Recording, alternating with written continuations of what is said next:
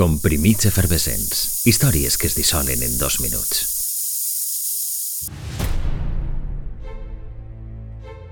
Estos primers dies de febrer, el cine, i particularment el cine sonor, té moltes coses a celebrar. Ahir es complia l'aniversari de la primera pel·lícula sonora i avui commemorem l'estrena d'una obra que, tot i que va ser un fracàs comercial, el temps ha posat en el seu lloc.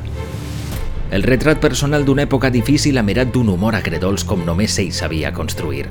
Un 5 de febrer s'estrenava la primera pel·lícula en què sentirem la veu de Charles Chaplin. Temps moderns. L'època en qüestió era la Gran Depressió econòmica que seguia el crac financer del 1929. Obrers, amos, drets laborals i els trepidants avanços industrials del moment davall la peculiar mirada de Chaplin.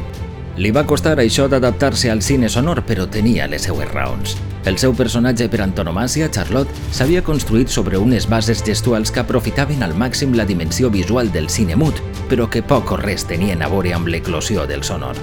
És per això que pot ser, durant el metratge, només sentim la seva veu en una ocasió, per a cantar i en un idioma inventat. No obstant, l'evolució de Chaplin en la nova era del cine sonor seria lenta però segura. Només cal recordar com anys després bordaria el llegendari discurs final de la pel·lícula El gran dictador en el que va desplegar tots els seus recursos interpretatius, incloent, òbviament, la paraula cosa que tímidament començava a assajar en temps moderns, que s'estrenava fa avui 80 anys, un 5 de febrer de 1937.